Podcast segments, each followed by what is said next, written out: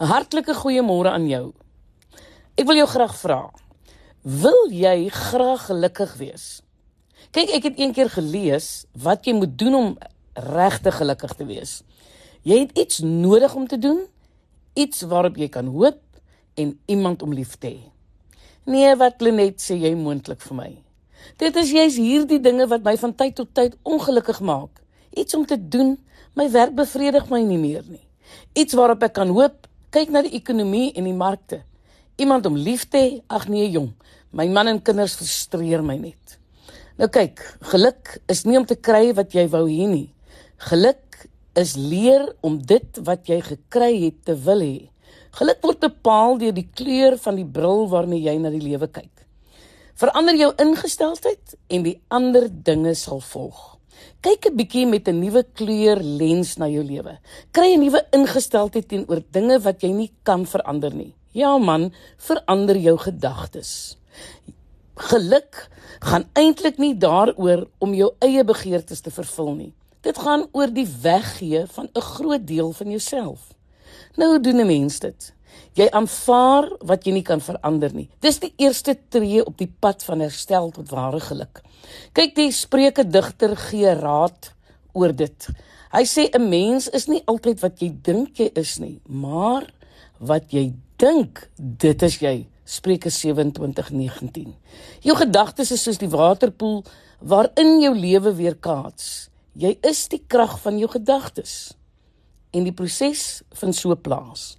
'n Gedagte, dan 'n plan, dan 'n aksie En uit hierdie aksie is daar 'n reaksie en dit is positief of negatief afhangende van hoe die gedagte begin het.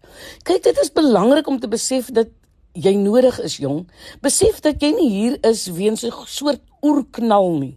Jy maak deel uit van hierdie iets groters as jouself. Jou lewe behoort aan God. Hy het beloof dat jy nooit bo jou kragte versoek sal word nie. Lees daarvan in 1 Korintiërs 10:13. Wanneer jy dit besef, beweeg jy met vrede. Jy word aangedryf deur God se vrede. Paulus skryf so kragtig hieroor. Die vrede van God wat alle verstand te bowe gaan, sal oor julle harte en gedagtes die wag hou in Christus Jesus. Dis nou Filippense 4:7. Deur daardie innerlike vrede styg jy bo jou omstandighede uit. Onthou God se beloftes oor die groter prent.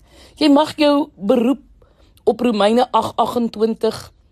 Ehm um, God sê laat alles, maar alles die beste vir jou uitwerk.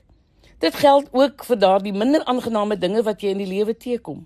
Jy kan hierdie vashou as 'n belofte uit God se woord. Jong, dit gee jou moed om aan te hou stap. Dink aan die groter prent wat God sien. Jy besef as jy in die verkeer vassit of jou vlug verpas, is dit deel van die groter prent. Jy bly dus nie so teen die negatiewe dinge vaskyk nie. Herinner jou voortdurend daaraan dat dinge vir jou op die beste sal uitdraai. Maak die belofte van Romeine 8:28 jou eie en so verskuif jy dus jou fokus. Jy raak al meer gerig op die verwagting van die goeie uiteinde. Dit sal uit hierdie omstandighede vloei. Goeie dinge sal uit dit vloei. Jy sal sterker aan die ander kant uitkom. Besef dat dit beter is om te gee as om net vir jouself te wil kry. So raak jy sensitief vir die nood van ander. Dis ook amper logies, nê? Nee. Terwyl jy op ander fokus, kyk jy weg van jou eie omstandighede af. Sodoende maak jy 'n verskil in die lewe van jou medemens. Jy vervul ook die wet van Christus en dit is mos nou ware liefde. Wees gereed daarvoor dat enige iets 'n vervaldatum het. Hierdie wete bring ook groot gemoedsrus en diep vrede. Die vervaldatum geld ook vir slegte tye. Die negatiewe dinge sal verbygaan. Die goeie sal weer aan jou adres kom klop. Kies die bril versigtig waardeur jy na die lewe kyk. Onthou, jy kan nie dinge wat met jou gebeur beheer nie. Jy kan wel beheer hoe jy dit hanteer. Verwag dat daar uitdagings op jou pad sal kom, maar leer om dit deur jou bril van vrede te beskou.